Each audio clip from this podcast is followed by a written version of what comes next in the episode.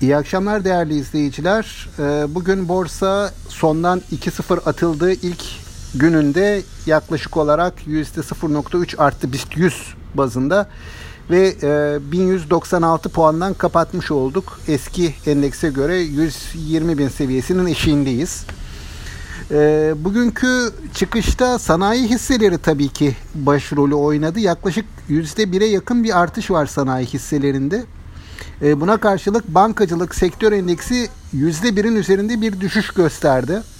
Böylece banka bölü sanayi endeksi olarak baktığımızda da 0.77 seviyesine geldi ki bu seviyenin altına son 20-30 e, yılda sadece bir kez e, o da çok kısa bir süre için bir veya da iki gün için 2018 yılı Eylül aylarında görmüştük.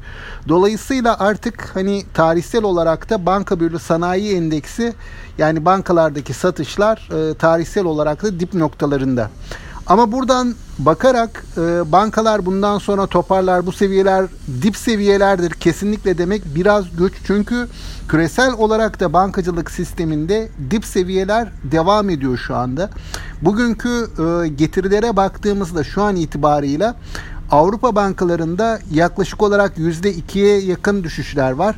Yine Amerikan bankalarında da %1.6'ya yakın bir gerileme söz konusu düne göre. Peki e, Diğer endeksler nasıl? Amerika'nın genel olarak diğer endekslerine, gösterge endekslerine baktığımızda Standard Poor's yaklaşık olarak %0.4'lük bir artış göstermiş durumda şu anda. Yine teknoloji hisselerinin yer aldığı e, Nasdaq endeksi de 0.6 artmış durumda. E, Avrupa endeksleri ise Avrupa genel olarak Avrupa borsaları ise yatay seviyede gösteriyor gösterge endeks üzerinden. Peki e, nedir beklentiler? Şimdi bugün e, genel olarak gelen haberlere bakıldığında özellikle Amerika tarafında bu e, Covid-19 ile ilgili sıkıntıların e, Fed'i yani Amerikan Merkez Bankası'nı yeni bir aksiyon, yeni bir parasal rahatlamaya sevk edeceği şeklinde bir görüş var. E, bu alınıp satıldı piyasalarda ve genelde olumlu yansımaları oldu.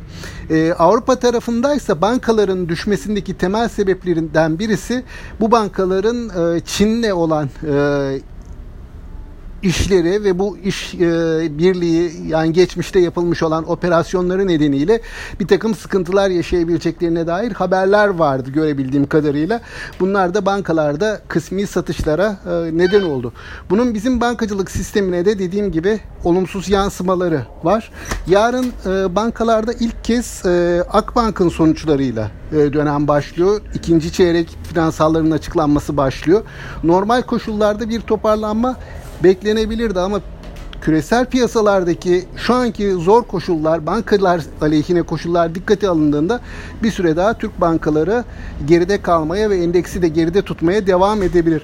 Bununla birlikte hani yarın bir e, bankalarda diplerden alışlar da görebiliriz bu bilanço döneminin açılmasıyla.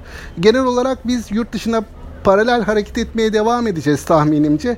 Yani dolayısıyla bugünkü kapanışlar Amerikan kapanışları o açıdan önem taşıyor. Şimdilik aktaracaklarım bunlar. Herkese sağlıklı, bol bereketli, kazançlı günler dilerim. İyi akşamlar.